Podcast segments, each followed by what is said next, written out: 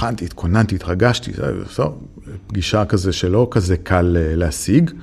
אה, וישבתי איתו, ואמרתי לו, שמע, יש לי רעיון לאלבום אה, יצירות של באך על מנדולינה. והוא אמר לי, בהצלחה, ושמור על קשר, ואתה נורא נחמד. וואו.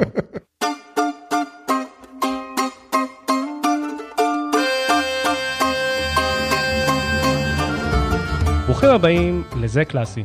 אני אסף מעוז.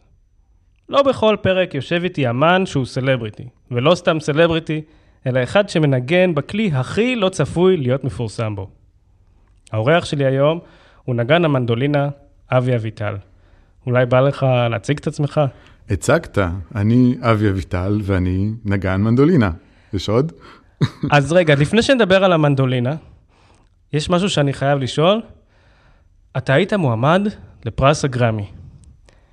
מה זה הפרס הזה? ואיך הגבת ברגע שהודיעו לך, אבי, אתה מועמד לפרס הזה? הגרמי, טוב, למי שלא יודע, זה, זה, זה פרס על הקלטות, זה של האקדמיה להקלטות, המקבילה של אוסקר למעשה ל, ל, לאלבומים, לדיסקים, לכל מה שנוגע במוזיקה מוקלטת. אמ, וזהו, וזה היה יום, אה, יום בהיר אחד, לא כך בהיר, ירד שלג אה, מטורף. הייתי בברלין, אני קם בבוקר, אתה יודע, עם חצי עין כזה, פותח את הפלאפון, היו מלא הודעות, Congratulations, Congratulations, אני אומר, דצמבר, מה הקשר? היא אומרת שלי באוקטובר. וככה גיליתי שהייתי מועמד לגרמי. בעצם במהלך הלילה, זה היה בלוס אנג'לס, הכריזו על כל המועמדים לגרמי, וזה באמת בא משום מקום, אני מוכרח להגיד.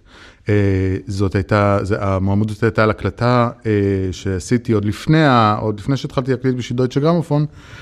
אה, עשיתי הקלטה של הקונצ'רטו למנדולינה של אבנר דורמן, בנקסוס. ו... וזהו, וזו הקלטה שזיכתה אותי במועמדות הזאת, זה היה כבוד גדול, זה אפשר... אה, נסעת לטקס? ברור, זה היה מה זה כיף. אה, זה ממש לוס אנג'לס, אני חושב שזה גם, זאת הייתה הפעם הראשונה שלי בלוס אנג'לס. וזה מה זה הכי לא, אין יותר לוס אנג'לס מזה. זאת אומרת, עם כל ה... גם עם כל ה... אתה יודע, דברים שהם כאילו מין תיאטרון אחד גדול, כל ה... אני זוכר שהייתי שם, אה, יש את כל העניין הזה של אה, השטיח האדום, כן? צועד בשטיח האדום. כמובן, אמרו לבוא עם, אה, עם, tux, עם אה, black, black tie, אז עם טוקסידו, אז עם פפיון, התלבשתי כמו שצריך. הייתי היחיד שהתלבש ככה, וכולם באו עם תלבושות מעצבים וזה. הייתי היחיד שככה הלך לפי ההוראות, תשמע, שלחו. ילד טוב. אה, וכל העניין הזה של השטיח האדום וזה, זה באמת רואים כזה מלא, פתאום קהל שצורח וזה, ואני שואל, איך הם הגיעו לפה? זה הרי הכל חסום. ואחד השומרים אמרו לי, אה, לא, אלה הילדות שצורכות פה, לא, לא, זה ניצבים, הם כאילו, זה, הם, הם, הם פה לעבוד. אתה ממש מגלה פה את מאחורי הקלעים של ה... אה, בכיף. מה שבאמת ריגש אותי, מעבר להנאה של השואו, זה בעצם, זה ממש, אה, כאילו זה מין, זה שואו באמצע החיים. אה, ובאמת הטקס היה, היה הופעה מטורפת, זאת אומרת, אה, אבל ההתרגשות הבאמת גדולה, אני זוכר, זה היה ערב לפני הטקס הגדול שאתם מכירים מהטלוויזיה, יש עוד ערב לכל המועמדים, ושם נותנים פרסי מפעל חיים, וזה הרבה יותר לואו-קי כזה, והרבה יותר מרגש, כי זה ערב לפני, וכולם עדיין באיזו התרגשות ופחות בפוזה. ואני זוכר, ישבתי באותה שורה עם בובי מקפרין מימין, ועם כל מיני, אתה יודע, אתה יושב תחת גג אחד עם האגדות, וקווינסי ג'ונס היה שם, ומי לא היה שם, פשוט לשבת באותו חלק, זה גם אולם הרבה יותר קטן מהטקס המרכזי שהיה באצטדיון של הלייקרס. אה, ופשוט אתה קולט שאתה באותו גג עם האנשים הכי מוכשרים בעולם, של הדבר שאתה הכי אוהב בעולם. וזה היה מאוד מרגש. אז עכשיו בוא תיקח אותי רגע אחד להתחלה.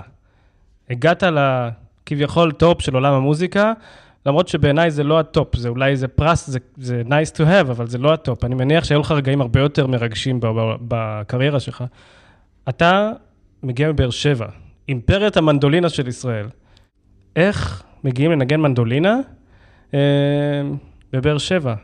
מה, מה הסיפור שם? מה מתרחש אצלכם שם? טוב, אז הכל מתנקז למעשה ב...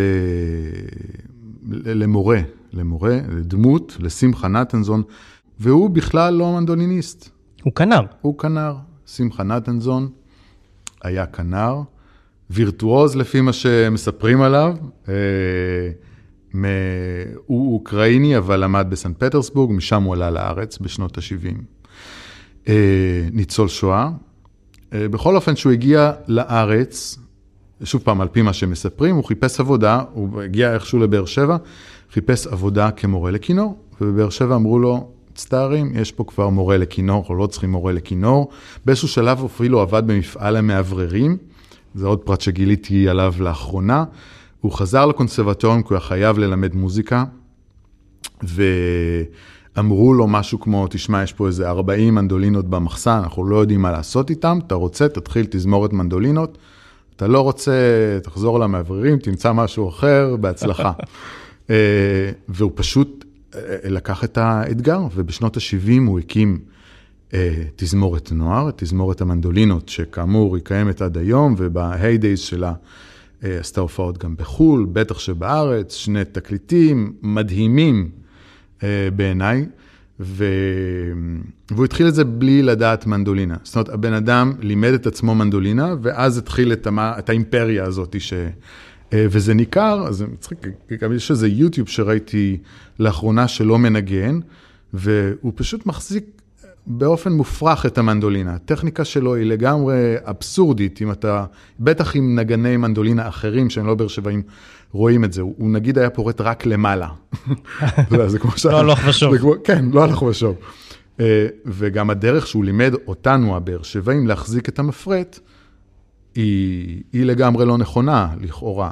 זאת אומרת, אם אתה הולך בעולם ורואה מישהו מחזיק את המפרט כמוני, או כמו החברים שלי מבאר שבע, אין, זה, זה, אתה, אתה בטוח שהם מבאר שבע, אתה בטוח שהם תלמידים של, אתה יכול להיות בטוח במאה אחוז שהם תלמידים של שמחה נתן, כי פשוט אף אחד לא מחזיק את המפרד בצורה העקומה הזאת. אז אתה זוכר איזשהו רגע שבו אתה מנגן ואתה אומר לעצמך, וואלה, זה מה שאני רוצה לעשות, אני, אני בא לי לנגן, בא לי להיות נגן מנדולינה מקצועי, מעולה, לא יודע מה זה מקצועי, מעולה. זאת אומרת, אני, אני זוכר את עצמי, שהיה לי איזה רגע כזה בגיל 15 בערך בתיכון, שאמרתי לעצמי, תקשיב, אתה אוהב את זה? בוא, תעשה את זה עכשיו כמו שצריך. עד עכשיו עשית את זה, היה לך כישרון, הסתדרת, בוא, תתחיל לעבוד כמו שצריך. מדהים. אז היה לי גם רגע כזה בגיל 15, אבל בכלל לא עם מנדולינה. אומרת, מה שקרה, נורא מצחיק. כשאני הייתי קטן והייתי בכיסא ג' של התזמורת, אז אה, שמוליק אלבז ישב בכיסא אה, א' של התזמורת, זה היה ברור ש... עוד שש שנים אני צריך לנגן את האדאג'ו ופוגה הזה שהוא עכשיו משוויץ איתה, ויאקי ראובן שישב בכל ב', כי הוא קצת יותר גדול ממני, ניגן את ה... לא יודע, קרייזלר, אה, אה, פרלוד ואלגרו, שזה מה שאני אמור לדעת לנגן עוד שנתיים, וככה הקנוניות אה, קרתה בעצם בלי שנשים לב שקורה פה איזשהו משהו, גם בלי שנחשוב על זה בכלל, שיש פה איזה משהו מהפכני. ואז ב mindset הזה אני בכלל הלכתי לתיכון. רגיל, למדתי חמש יחידות אה, פיזיקה ומתמטיקה, לא, לא הייתה, הייתי במגמת מוזיקה. אה, ו, וזהו, ולא לא תכננתי שזה יהפך למקצוע שלי. בגיל, אה, בגיל תיכון, בגיל 14, באמת, אתה יודע, כמו, כמו שקורה בטינג', הכל אתה חווה בצורה מאוד עוצמתית, הרי. ושם הייתה לי התאהבות ממוזיקה, אבל רוק. והתחלתי לנגן תופים, ונורא אהבתי את זה. לנו להקה כזאת בבית ספר, ניגנתי מלא רוק, והתחלתי לנגן גיטרה חשמלית וקלידים. ואני זוכר שבסוף כיתה ט' באתי למורה שלי למנדולינה, שהיה אז שמחה, אה, לא שמחה נתנזון כבר, לב חיימוביץ', ואמרתי לו, אחרי שנה שלמדתי תופים אה, בתיכון באיזה פרויקט, במקביל למנדולינה, עם כבר קצת שיער שהספיק להתארך, ועם החולצת פלנל והדוקטור מרטינס, ואמרתי, ללב חיימוביץ', המורה למנדויה, חשבתי על זה, אני רוצה לעבור לתופים. אה, דיברתי כבר עם המורה לתופים לקונסרבטוריום, ותודה רבה, ואני פורש. ואז הוא הסתכל עליי בעיני אה, פאפי כאלה ואמר את המשפט הבא, חבל, חשבתי שאתה ממש טוב. וואו. אני חושב שזו פעם ראשונה שאי פעם מישהו אמר לי משהו כזה בזיכרון שלי, לפחות במוזיקה, ואמרתי, או, אוקיי, אני אמשיך, כנראה שאני אמשיך. מה שקרה מאז, אז שוב פעם, אז המשכתי, אה, אתה יודע, לימודים בקונסרבטוריון בבאר שבע, ואז שוב פעם, הייתה גם שם איזושהי קנונית, כי שמולי קלבז, מהדור הראשון, יונתן רושפלד היה בכלל מהדור הראשון. בדיוק, הוא לא אפילו יודעים ניגן את. פה, ניגן פה סולו עם הפילהרמונית, יונתן נכון, רושפלד. כן. נכון, בהחלט. אז הוא ממש מבאר שבע, באותה חממה, היה המוזיקאי מצטיין הראשון במנדולינה, למד באקדמיה שנתיים לפני שהלך לפריז ללמוד אה, בישול. אה, אחריו היה שמוליק, אז כבר הכרתי, ידע, ידעתי ש... אוקיי, בי"ב אנחנו הולכים למבחנים של מוזיקאי מצטיין, אבל גם הלכתי למבדקי טיס וכל מה ששלחו לי. אה, ובעצם ש...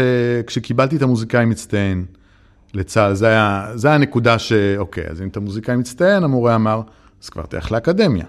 אם אתה כבר באקדמיה, אז תלך לתחרות קונצ'רטו של האקדמיה. אם כבר זכית בתחרות קונצ'רטו, אז תלך לתחרות של... אה, זה הפאול בן חיים, הארצית. אם כבר זכית בזה, אז כבר ת... אולי תראה מה קורה אחרי התואר ותלך לחו"ל. וזה ככה התגלגל, בלי למעשה שאני...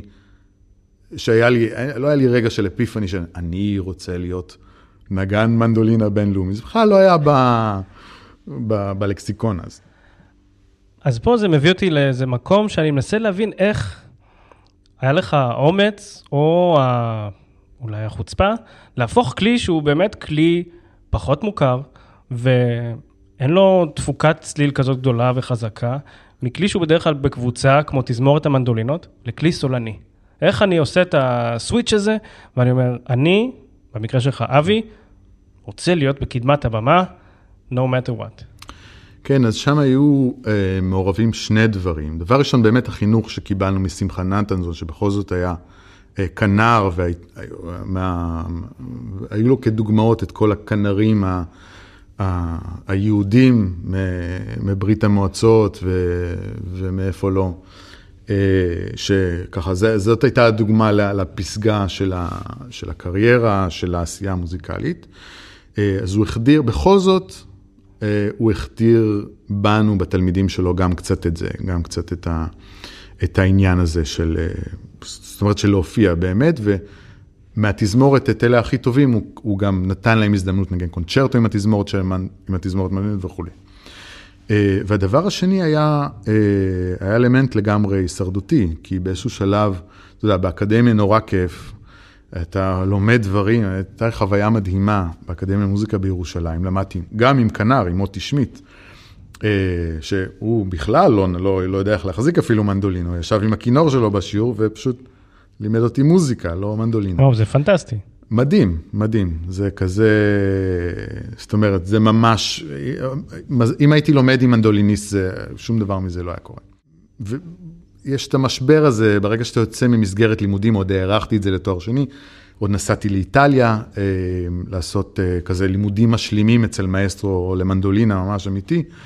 אה, אז אתה מושך את הלימודים, מושך את הלימודים, באיזשהו רגע מגיע, אוקיי, now, now what? עכשיו בדיוק, עכשיו זה החיים האמיתיים. בדיוק, אז מה, אז מה, איך אני, איך, אה, איפה פה מקבלים קונצרטים? סליחה רגע, איפה, מי עושה לי booking? אה, ו, ושם זה היה הרגע של ההארה, ממש צומת. אמרתי, עדיין, אתה יודע, עדיין חשבתי, לא יודע, עדיין לא ידעתי לגמרי אם זה הולך, אם אלו הולכים להיות החיים שלי, או שאני הולך לאוניברסיטה ולומד משהו אחר. אבל היה רגע שאמרתי, אוקיי, זה מנדולינה, חביבי. אז או, זה או הכל או כלום כרגע בצומת הזו. אה, זה או שאתה מכוון הכי גבוה, ואתה מנגן בכל האולמות שכל הסולנים של שאר הכלים מנגנים, או שבאמת אה, עכשיו לעצור וללמוד משהו אחר. אה, ואז גיליתי שבעצם אני, אני כבר מנדוליניסט, וכל הלבטים האלה הם בכלל לא רלוונטיים, כי אני כבר מוזיקאי ואני כבר לא... אפילו ברגע שזה נעשה קצת אמיתי, לעבור למשהו אחר, הבנתי שזה, אוקיי, אני כבר עמוק בתוך זה, ועדיף שאני אשחרר את הלבטים, ובאמת מאותו רגע נהיה לי drive אה, מטורף, וכן, והתאמצתי להגשים את זה. אז אתה מדבר על העולם הזה של הכינור, והכינור באמת זה מסורת כזאת עתיקה של מאות שנים של הכנר שעומד במרכז הבמה ו- ומנגן. אין כזאת מסורת במנדולינה. אין על איזה משהו להישען עליו ולהגיד, אוקיי, אני מחכה את המנדוליניסט המפורסם הנ"ל. אתה, זה קשה כשאין משהו ש, שאתה אומר, אוקיי, אני אעשה כמוהו או כמוה, ואתה בעצם, לא רוצה להגיד פורץ דרך, אבל אתה מתחיל איזשהו משהו שכמעט לא קיים. אה, בדיוק, והנקודה שזה התחיל לעבוד, זה, זה בשנייה שהפסקתי להסתכל על זה כ... אה, כמשהו שהולך נגדי למשהו שהולך אה, לבעדי. זאת אומרת, זה היה לי ברור שאין אף uh, מארגן קונצרטים, אין אף אינטנדנט של תזמורת, ואו מנצח, ואו סוכנות אומנים, ואו לייבל, שיושבים במשרד ואומרים, יו, אני חייב לסדרה מנדולינה, איפה אני משיג? זה היה ברור שזה לא קורה. Uh, ובמקום להסתכל על זה כ-disadvantage, uh, זה היה, הסתכלתי על זה כיתרון. אין להם את זה, הם עוד לא חשבו על זה, זה גדול. אז אתה בעצם יזם ברוח שלך. מאוד, הייתי חייב, תשמע.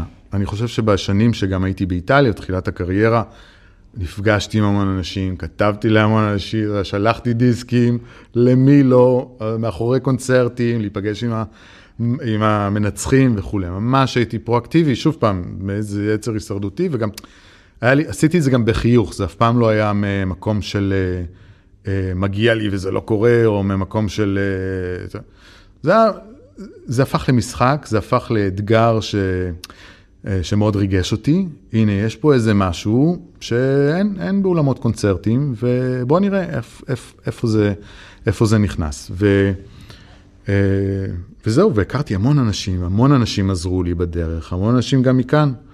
אה, קרן תרבות אמריקה ישראל, עם אה, גדעון פז, אה, הרבה אנשים טובים, באמת ש... שעזרו לי וקישרו אותי עם אנשים, הרבה networking, וכן, אה, איכשהו, מתישהו זה, מתישהו זה קרה. המנדולינה היא כלי שהוא, אין לו תפוקת צליל מאוד גדולה. ואתה מופיע באולמות הכי גדולים. אתה מופיע, הופעת פה, בהיכל התרבות, הופעת בברלין, הופעת בכל מה, you name it. איך אתה מתמודד עם זה? זאת אומרת, יש איזה שלב שאתה חושש, או שאתה אולי אומר, טוב, אולי אני נגן פה עם הגברה? איך, איך uh, מת, מתמודדים עם המחסום הפסיכולוגי של הצליל? אז דבר ראשון, פה יש אה, משהו חשוב להוסיף ל, uh, לשיחה, וזה שבמקביל להתפתחות של האסכולה הבאר שבעית, שנגנה רפרטואר לכינור על מנדולינה, uh, היה איזה חיבור קוסמי עם... עם בונה מנדולינות, עם אמן, אה, שבדיוק זה מה שהיה לו בראש. הוא רצה, הוא אמר, הוא, מישהו שאוהב מנדולינות באופן, לא באופן כללי, אני חושב, בנה מנדולינות ורצה, ואצלו גם בחלום היה, אני רוצה לבנות כלי שלא יהיה כזה אה, חלש, וכלי שיהיה באותה איכות ובאותה עוצמת צליל עם כל שאר הכלים. זה ממש המשימת חיים שלו, יש לזה קוראים אריק קרמן. והוא גר פה בדיזינגוף. אה, אומן ישראלי, ויש לו את ה... הוא היום בן 83, אם אני לא טועה, יש לו את המנדולינות הכי טובות, באמת, אני לא מנגן על אף מנדולינה אחרת, למרות שהשתדלתי מאוד אה, לנסות למצוא משהו יותר טוב. אה, ובד בבד עם ההתפתחות, שוב, גם של הקולגות שהם יותר מבוגרים ממני, הוא פיתח, המשיך לפתח, ואגב, ממשיך לפתח את המנדולינה. בשביל ליצור את המנדולינה האולטימטיבית, שכן תנגן עם תזמורת גדולה ולא יהיה צריך הגברה. אמ, ו, וזה באמת מדהים בעיניי. וגם הוא עשה את אותו דבר שאנחנו עשינו, זאת אומרת, ה, ה, לפרק את, את, את, את מה שמסורתי ולא לא, לא, לא להיות מותנה מהמסורת בכלל, אלא להסתכל על הדבר הזה ולהגיד, אוקיי, מנדולינה יש לה ארבע מיתרים כפולים, פחות או יותר צריך להגיע לצליל הזה, איך בונים את זה עכשיו? וזה מה שהוא עשה. והוא סיפר לי גם שלמשל, הוא בחר גם את העצים הכי טובים למנדולינה, זאת אומרת, הוא לא חסך בכלום. אה, והוא עבד עם, ה, עם הדילר, עם המוכר עצים לכלי נגינה הכי מפורסם בגרמניה.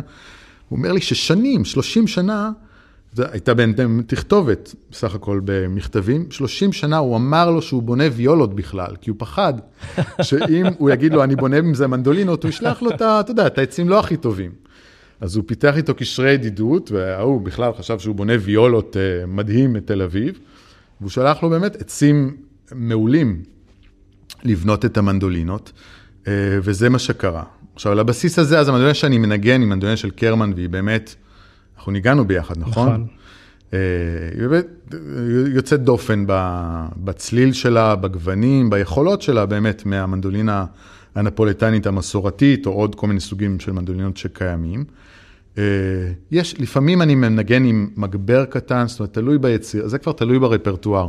הרבה מהיצירות המודרניות שאני מנגן, המלחין בכוונה או שלא בכוונה, אה, לא לוקח בחשבון כמה דברים אקוסטיים, אפילו לא של עוצמה, אלא של צליל ששוחך אה, ואיזשהו אה, blending של, אה, של צלילים, ולפעמים צריך טיפה עזרה של מגבר בכל זאת. נגיד את הקונצ'רטו של דורמן, אבנר דורמן כתב, מלכתחילה הוא אמר, אני רוצה שתנגן עם מגבר. לא רוצה בכלל להתעסק עם, ה, עם עניין של ישמעו לא ישמעו, אני רוצה שכל המיתרים ינגנו פורטה ועדיין ישמעו את המנדולינה באיזה רגע אחד דרמטי במיוחד. וכך היה, אבל מנדולינה באמת מיוחדת.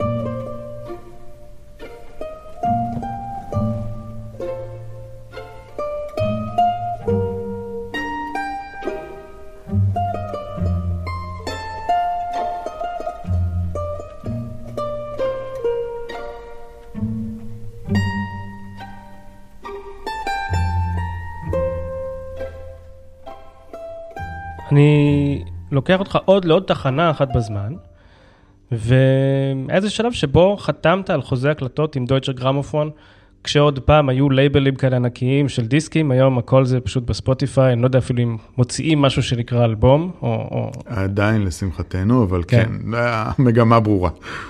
זה גם היה סוג של פריצת דרך, כי בעצם היית אמן מנדולינה הראשון שהם החתימו. איך ניגשים לבחור יצירות לדיסק הראשון של מנדולינה שמוקלט בדויטשה גרמופון. זה סוג של איזה משקל על הכתפיים, שאתה אומר, וואו, חיכיתי לזה כל חיי, עכשיו אני הולך לעשות את זה. אה, אז קודם כל, כשהקלטתי את הדיסק, הוא עדיין לא היה לדויטשה גרמופון, זאת אומרת, הוא היה לדויטשה גרמופון רק בראש שלי, אבל הם עוד לא ידעו. אה, ונורא רציתי שהדיסק הראשון, הדיסק הראשון שהקלטתי היה יצירות של באך.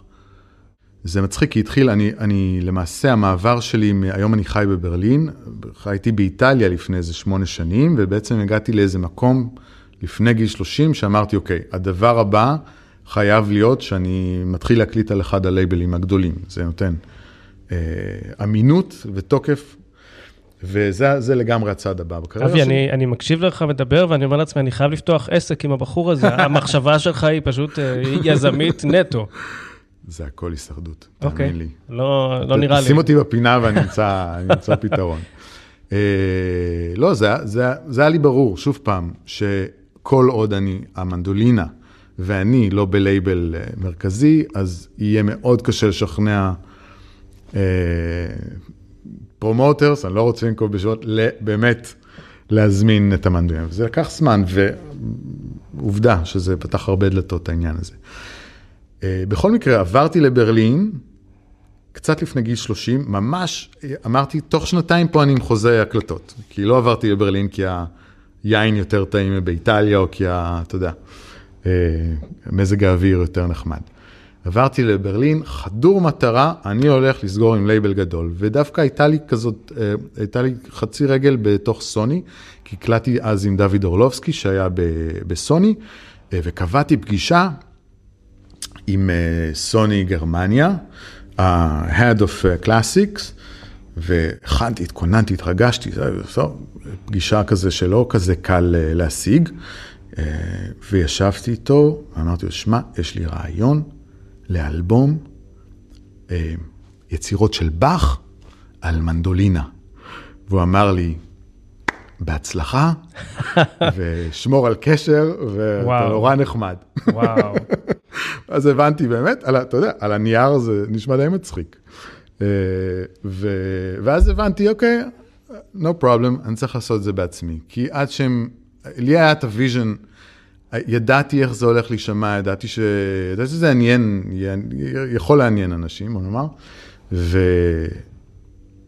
ואז הבנתי שאני פשוט צריך להפיק את הדיסק בעצמי. ואני זוכר את עצמי יושב עם, אה, עם כאלה booklets של, אה, של דיסקים, של דויטשה גרמופון וסוני, ואומר, אוקיי, מי מקליט? מי המקליט פה הכי טוב? אלה השמות, אנדריאס נויברונר, או אחלה, איפה אתר אינטרנט שלו, זה. איפה מקליטים, איפה מקליטים את הדיסקים האלה? מצאתי נלפשטראסה, ברלין, מקום אגדי, קראיאן הקליט שם, אוקיי, שם, טלפון, כמה זה עולה? מהתזמורת, גם רציתי תזמורת כזאת שהיא מודרנית, שהיא פתוחה, אבל שיש לה גישה לברוק. מפה, מתן דגן היה אז בברלין, אמר לי, כמה אקדמי פה זה? אמרתי, על הכיפאק, אני מרים אליהם טלפון. ובעצם, אה, וגייסתי את הכספים בעצמי, זאת אומרת, רוקנתי את החשבון בנק שלי, ההורים שלי עזרו מאוד מאוד, וגם התחלתי לכתוב לאנשים שאני יודע שהם כבר הכירו אותי וקצת, והיו שמחים לתמוך בי, גם קרן תרבות אמריקה ישראל עזרה. אה, וככה אספתי ממש את הכסף שהיה אה, נחוץ בשביל לעשות את ההפקה ברמה הכי גבוהה, כאילו דויטשה גרמופון או סוני מקליטים את זה בלי לחסוך יורו אחד על שום אלמנט בהפקה. וכך היה, ועם המאסטר ביד, התחלתי לשלוח את זה ללייבלים. את המאסטר שלחתי ללייבלים, ודווקא דויטשה גרמופון היו, יותר הבינו את הקטע. סוני אמרו לי, זה נורא יפה, בוא נשמור את זה כדיסק שני, בוא נתחיל עם ויוולדי, בוא נעשה ויוולדי כזה, מכירים, מנדולינה, ויוולדי, זה מתאים, ואז כשאנשים יתרגלו, אז נבוא עם הרעיון הזה של באך. וזה היה בדיוק מה שהייתי צריך לשמוע בשביל ללכת עם דויטשה גרמופון, כי אמרתי, לא, צריך להיות פה זעזוע. צריך להיות שהכותרות בעיתונים, בעיתונים עכשיו, בכמה reviews של המגזינים הקלאסיים שאפשר, אתה יודע, לספור אותם על יד אחת, באך על מנדולינה שלושה סימני שאלה, ואז שיכתבו שהם שונאים את זה, שאוהבים את זה, לא אכפת לי. אבל רציתי לזעזע את אה, אומות הסיפין ואת כל מה שאנשים חשבו על מנדולינה, ודויטשה גרמפון קלטו את זה, וזה היה לי ברור שאני הולך איתם, ובאמת זה עבד מעולה, כי הם נתנו לי לעשות מה שאני רוצה. ב- לאורך ה... הקריירה שלי. אמ, היו לי כל מיני כישלונות קטנים, נקרא לזה מהמורות בדרך. אה, אתן דוגמה, עשיתי כל מיני אודיציות לתזמורות בגרמניה, בזמן שגם גרתי בברלין, ותמיד כיוונתי להכי גבוה, הלכתי לתזמורות עם האודיציות הכי קשות. ולא הצלחתי. וקרה לא פעם שיצאתי והייתי כל כך מתוסכל. בדרך כלל זה היה שהייתי מתקשר לאבא שלי ואומר לו, תגיד, למה אני עושה את זה? כאילו, מה הקטע? למה אני ממשיך uh, להתעקש? אולי אני צריך uh, לעזוב הכל. והוא תמיד היה אומר לי, אתה טוב, תמשיך. אבל התחושה הזו של, טוב, רגע, בשביל מה אני עושה את זה, הייתה מאוד חזקה לאורך זמן. היה איזה שלב כזה? שאתה אומר לעצמך, אני הולך עם הראש בקיר, כל המנדולינה הזאת, מה, אף אחד לא מבין אותי. אתה יודע, זה היה הדלק שלי. זה, זאת אומרת, אה, זה נעשה אצלי התחביב אה, אה, להוכיח אנשים על טעותם קצת. זה, זה, נהיה, זה נהיה לי כיף, לא, לא בקטע, אתה יודע. אני זוכר המון פגישות שהיו לי לפני דויטשה גרמופון, וגם אחרי דויטשה גרמופון, עם סוכנים למשל. כי, אתה יודע, אתה צריך להיות בסוכנות טובה בשביל ש... עם קשרים, בשביל שיתחילו להזמין אותך לקונצרטים בסופו של דבר. אה, ואפילו כשחתמתי עם דויטשה גרמופון, עדיין הייתי בלי סוכן למעשה, לא היה לי סוכ... אפילו לא הייתה לי סוכנות. אה, ולאורך כל השנות ה-20 שלי, אה, לתוך שנות ה-30, כשהייתי בן 30, בוא נאמר, זה הנקודה שחתמתי עם דויטשה גרמופון, פחות או יותר, אחרי כמה שנים יצא, אחרי שנתיים כבר יצא הדיסק הראשון.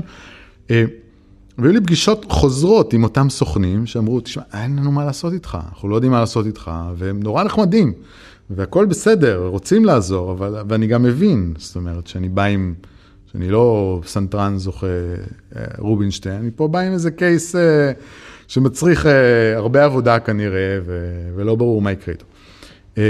וכל לא כזה, פשוט הפכתי אותו לדלק. פשוט הפכתי את ה... וקיבלתי הרבה יותר לואים. הפכתי אותם לאיזה מנוע שאוקיי, אה, לא, לא, לא ברגש נקמני, אלא זה, אוקיי, יש לי איזה משהו בראש ואנחנו ניפגש בהמשך. ובאמת, אחרי זה, גם עם חלק מהסוכנים האלה עכשיו אני עובד. אחד הדיסקים שלך שהתנגן אצלי בבית המון, אתה משתף פעולה עם עומר אביטל. לדיסק שלכם, האלבום נקרא אביטל מיץ אביטל. אז קודם כל, השאלה הראשונה שלי זה, האם חשבתם על זה שמיץ בעברית זה משהו אחר לגמרי. זה, זו, זה השם המקורי, אביטל ג'וס אביטל, אחרי זה לא יודע מי תרגם, לא, לא ברור, סתם. אה, כן, שמות זה לא החלק החזק שלנו, אבל, אבל היית, כן. זה דיסק, זאת אומרת, בעיניי הוא דיסק אדיר כי הוא מציג פן אחר שלך, אולי הפן היותר, לא רוצה להגיד קליל, כי זה לא קליל, כי אתם מנגנים מוזיקה ממש מעולה, שחלקה זה שירים והרבה דברים שעומר עצמו כתב.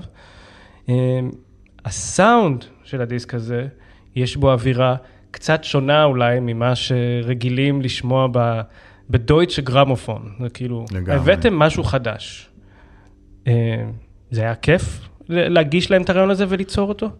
מאז שאני מכיר את עומר אביטל, שזה מימינו באקדמיה, רציתי לעשות משהו איתו, לא בגלל השם משפחה. בגלל שפשוט היה לנו חיבור אה, מטורף, היה לנו חיבור מיידי, אה, לי לפחות אליו, למוזיקה שלו, ממש אה, ועד היום, אני כל כך אוהב אותו, כל כך אוהב את המוזיקה שלו.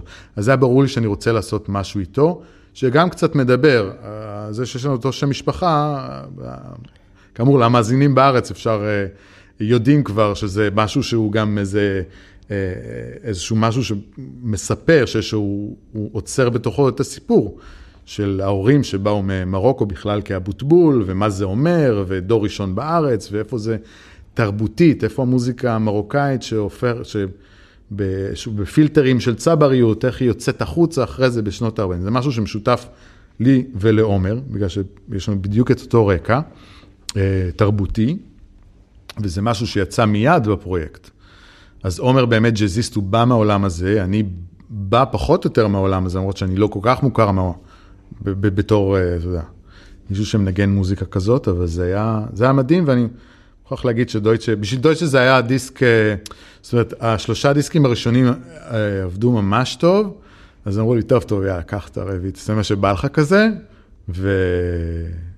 ולשמחתי הם גם מאוד הופתעו, כי אני חושב שזה הדיסק השני, אחרי ויוולדי, אה, הכי מצליח כרגע בקטלוג שלי.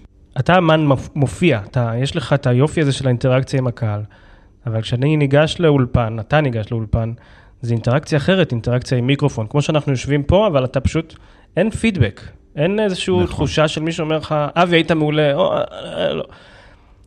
אתה אוהב את זה, את התחושה הזאת? אתה, מה אתה, איך, איך נהנים מזה? מאוד, אתה יודע, זה נורא שונה.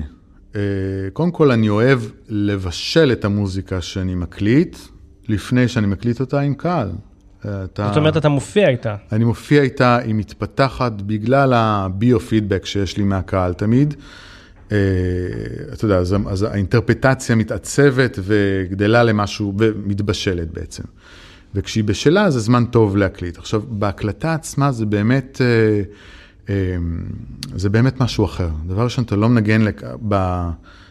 אתה לא מנגן לקהל, לאולם גדול, אתה מנגן לקפסולה פיצית שיושבת 20 סנטימטר מה... מאיפה שהסאונד יוצא. אז כל ה... בעצם כל הפקת הצליל היא מאוד שונה. אני מנגן בדרך כלל הרבה יותר פיאנו ממה שהייתי מנגן באולם גדול, מן הסתם. אני רגיש ל... זאת אומרת, אני מדבר עם הקפסולה הזאת, אני גם מדמיין שאנשים, זה יושב אצלם באוזנייה אחרי זה, קרוב קרוב לאוזן, זה, זאת אומרת, זה איכות אחרת לגמרי של נגינה. ויש עוד אלמנט, מוזיקה חיה, מוזיקה בקונצרטים, מאוד, אצלי בתור אומן, יש כאלה שיגידו שלא, שמנגנים כל ערב, הם לא מתעלמים מהקהל, והם, אם הוא שם הקהל או לא, זה לא משנה להם. אצלי זה ממש לא ככה. אצלי הקהל הוא, הוא, וההרגשה שיש לי מהקהל אה, מאוד משפיעה לכמה אני יכול לעשות רובטו, לכמה אני יכול לרדת פיאנו, לכמה אני יכול לעשות פורטה, מאוד מאוד משפיעה על האינטרפטציה בניואנסים הקטנים בסופו של דבר. אה, וזה משהו שאתה צריך, שאין לך בהקלטה. אז זה קצת כמו ההבדל בין תיאטרון לקולנוע. וחשוב לך שזה יהיה מושלם? הרי בהופעה אנחנו נותנים לעצמנו, משחררים את עצמנו לטעות, או לפקשש את הפיקשושים הקטנים שיכולים לקרות. לגמרי. ובהקלטה, כביכול, זה נשאר לתמיד, אסור לטעות. יש לך את התחושה הזאת? כן, אבל לא בגלל שזה נשאר לתמיד ואסור לטעות. זה משהו אחר.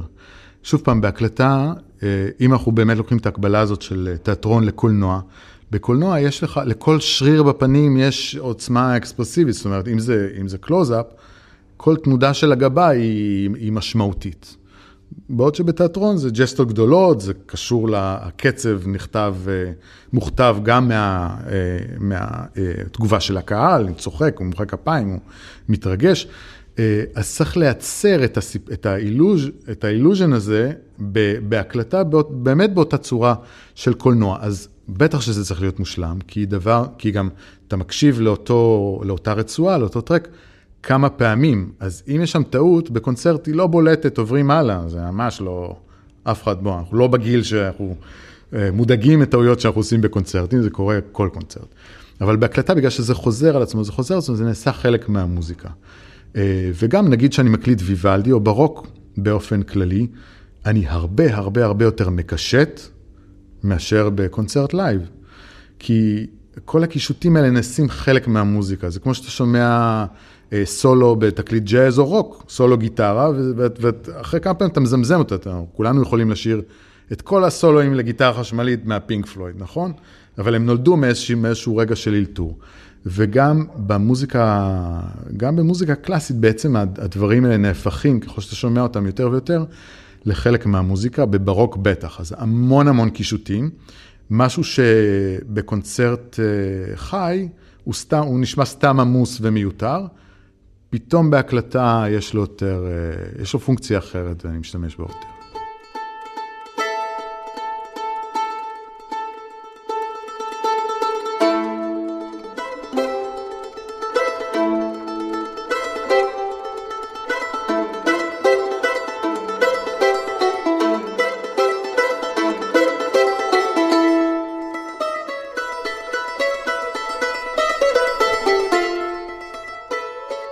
אני חושב ששוב, אתה, בתור היזם שאתה, הבנת משהו לפני האחרים. אמ, ברשתות החברתיות אתה הרבה פעמים מעלה תמונות של סלפי עם הקהל, או רק של הקהל, בתום הקונצרט. זה אנטי סלפי, חלילה סלפי, זה סליחה. בדיוק ההפך מסלפי. עכשיו, אני, אני, אני רוצה, אה, בעצם אתה כמעט מקדים את זמנך לא רק בעולם המנדולינה, אתה בעצם הבנת, השכלת לנצל את הסושיאל מדיה, את המדיה החברתית, אמ, לטובתך. זה, אתה מרגיש שזה נחוץ? אתה מרגיש שזה היום הכרח? כן, אבל קשה, זאת אומרת, אני לא, מר, אני לא מרגיש ככה, כי מישהו שמנצל את הסושיאל מדיה, אז אני לא אין לי אנשים שעובדים באינסטגרם בשבילי ועושים את הפוסטים, זה ממש אה, לגמרי מה שבא לי באותו רגע לעשות. זאת אומרת, אה, היו ניסיונות, אני חושב שהלייבל בדיסק הראשון, אמרו, טוב, ת, כמובן, תן לנו את ה... את הפסוורד לאינסטגרם ולפייסבוק, שנעשה כזה, אתה יודע, I'm excited, האלבום שלי יוצא, ואמרתי, לא, לא, לא, אני לא רוצה להשתמש במילה excited בסושיאל מדיה, זה כזאת מילה מכובסת, אין לה שום משקל, זה לא אני, אתה, לא, לא, לא נותן לכם את הפסוורד. אז הכל בא ממני, וגם באמת, אתה יודע, יכול להיות שמהצד זה לא נראה ככה, אבל, אבל בכל הדברים ש... אה, שאני עושה פוסט, אני משתדל, אתה יודע, יש, כמובן, זה, אני לא שם דברים פרטיים, זה יש... יש איזשהו דיווח, זה איזשהו עיתון, איזשהו עיתון קטן שאני נותן לאלה שמעניין אותם מה שאני עושה, על, על מה שאני עושה במוזיקה. אה, על לצלם את הקהל, זה מצחיק, זה כבר כמה שנים, אני כבר פחות עושה את זה בזמן האחרון. טוב, כי לא היו הרבה הופעות בשנה האחרונה. לא, גם, אתה יודע, באיזשהו... והייתה איזו שנה שממש עשיתי את זה בכל קונצרט, ואני חושב שהמקור של זה היה ב... קונצרט שעשיתי בז'נבה, באולם ויקטוריה, אני חושב שקוראים לזה, אולם מדהים, מקסים. אולם אדיר, יפהפה. אה, וניגנתי, וניגנתי שם עם התזמורת הקאמרית של אה, ז'נבה, והייתה חוויה מדהימה, האולם היה מפוצץ, זה היה כל כך כיף. ואני רואה מלא אנשים בסוף הקונצרט, זה כבר היה די מזמן, אז לא לכולם היה, אתה יודע, מצלמה בכיס. אה, ואני רואה אנשים כאילו מצלמים וזה, אמרתי, אנשים אה, כנראה, אוקיי, רוצים לזכור, לתעד את הרגע הזה, לזכור, אבל גם אני, זאת אומרת, הם לא קולטים שאני גם אזכור את הרגע הזה כל החיים, אני גם רוצה מזכרת ממנו, וגם רציתי לעשות איזשהו, איזשהו פליפ, איזשהו היפוך במערכת היחסים. כי זה גם משהו קצת חולה שבא מהפופ, אה, ושחוויתי אותו בהופעות של singer songwriters וכולי. שיש איזו הרגשה שהיושב על הבמה הוא בעצם, אתם, אתם, אני מנגן לעצמי, אתם באתם לראות אותי מנגן וליהנות ממה שאני אה, עושה, וכאילו זה הפוך. אני היושב על הבמה, אני פה בשבילכם, אתם לא בשבילי פה. אני פה בשבילכם, אני משרת, אני באתי לספק לכם, לחולל לכם חוויה שבשבילה באתם. אתם לא באתם בשביל שאני אחשוב את עצמי חשוב. אה, והדבר הזה, לי הוא נורא ברור במקצוע שלי, בהגדרת המקצוע שלי, וקלטתי שהוא לא ברור ב, ב, בתרבות הפופ, וגם אולי לפעמים לא לקהל. אז בזה ש... ואני מדגיש, אף פעם לא היה שם סלפי. אוקיי, okay, אוקיי. Okay. בזה שבלמעשה, מה, ש, מה שקרה בדרך כלל אחרי קונצרטים, זה שאני עולה לכידה האחרונה, אחרי הדרן, ותוך כדי שהקהל אה, מוחא כפיים, אני מוציא את הטלפון, בלי, כמה שיותר מהר וכמה שיותר שלא עושים לב, ומצלם את הקהל. ושם קורה איזה משהו של כזה, של אני מקווה שהם מבינים שזה אוקיי, זה, זה, זה גם הפוך, הוא גם מתרגש, זה גם הוא היה בשבילנו, הוא גם אוהב אותנו, בתקווה זה מה שהם מבינים. אה, זאת אומרת, אני מדבר בשם עצמי, אז אני, כן. אני גם אוהב אתכם, אני גם פה, הייתה לי חוויה מיוחדת איתכם, אתם גם השתתפתי, אני עשיתי את זה בשבילכם, אה, וזה רגע שאני רוצה לזכור. זו, זה המסר ש, שקיוויתי להעביר באותה פעולה. ואחרי זה בלשים את זה בסושיאל מדיה, אז כמובן רואים, הרבה מהקהל צוחק בשלב הזה. אני חושב שזה דבר אדיר, כי רואים גם את ההנאה של הקהל ואת האינטראקציה של הקהל שאומר, וואו, הוא רואה אותנו.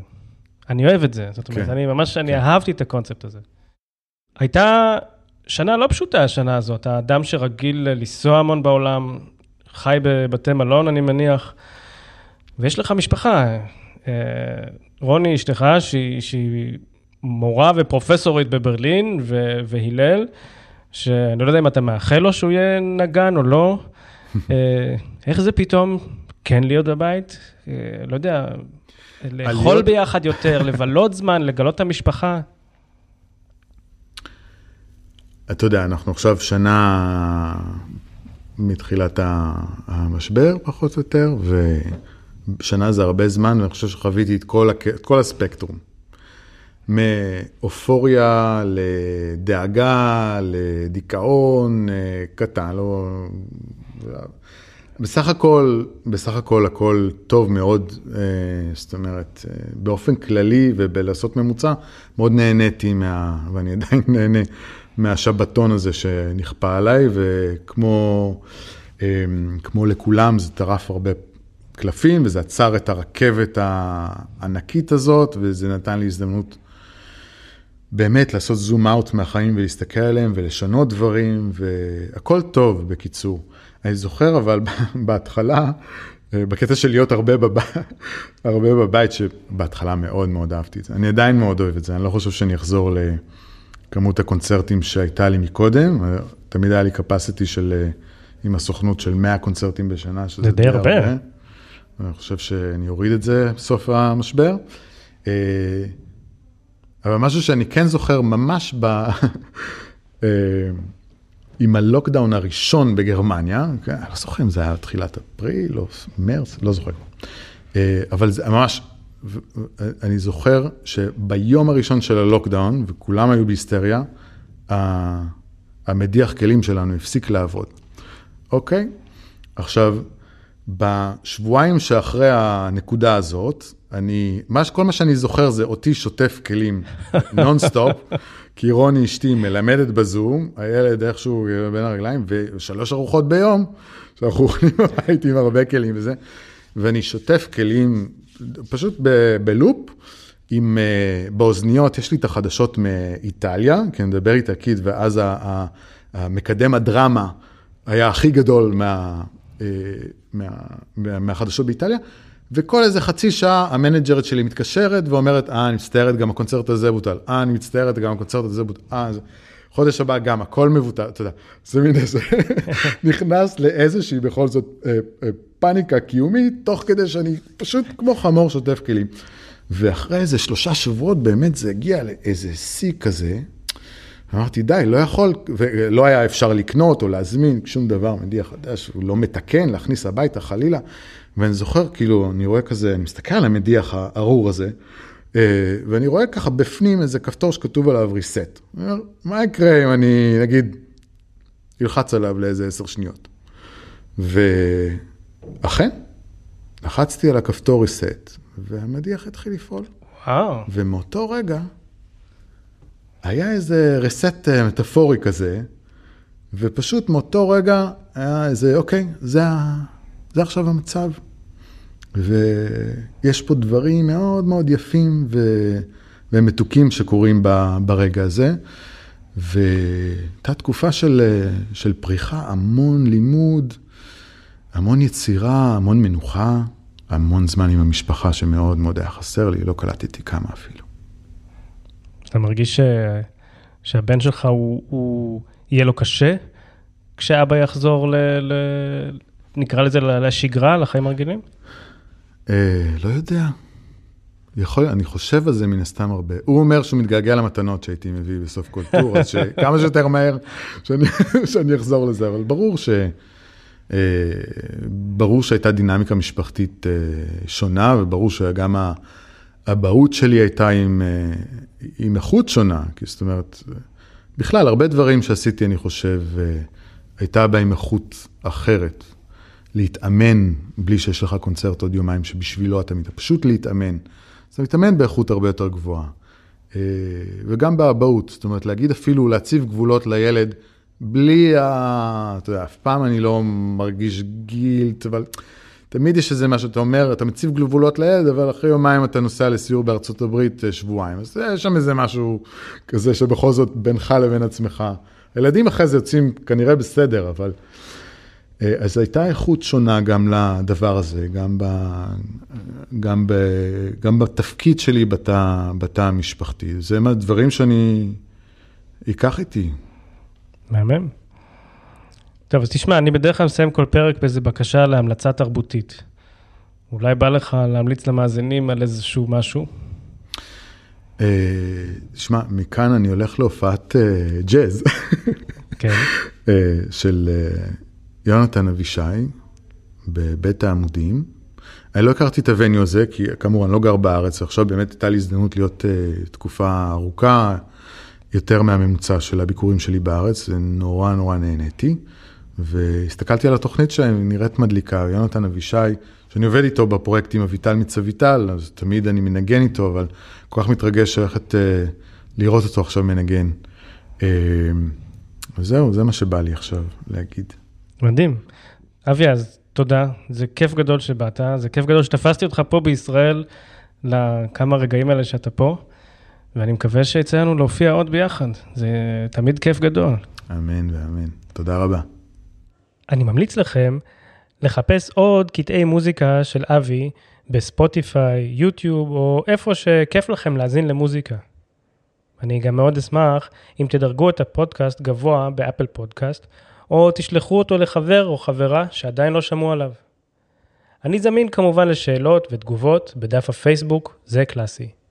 אני, אסף מעוז, נשתמע בפרק הבא.